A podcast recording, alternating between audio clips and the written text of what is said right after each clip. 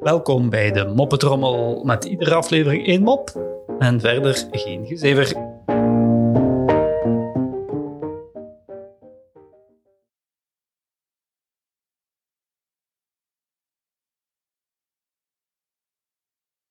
Een man gaat naar de dokter en zegt: Dokter, ik heb een probleem.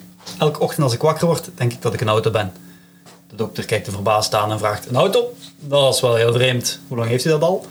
Al een paar weken, antwoordt de man, en het wordt steeds erger. Nu denk ik zelfs dat ik een vrachtwagen ben. De dokter denkt even na en zegt: hmm, Ik denk dat ik weet wat het probleem is. Hij heeft last van automanie. Automanie? vraagt de man verbaasd. Is dat een echte ziekte? Ja, zegt de dokter. Een hele zeldzame, maar gelukkig kan ik u wel helpen. Ik zal u doorverwijzen naar een psychiater die u kan behandelen. Een paar weken later komt de man terug bij de dokter en de dokter vraagt: En, hoe gaat het nu met u? Fantastisch, antwoordt de man die automanie had. Ik voel me genezen, maar ik heb wel nog één vraag. Hoe zit het eigenlijk met mijn verzekering?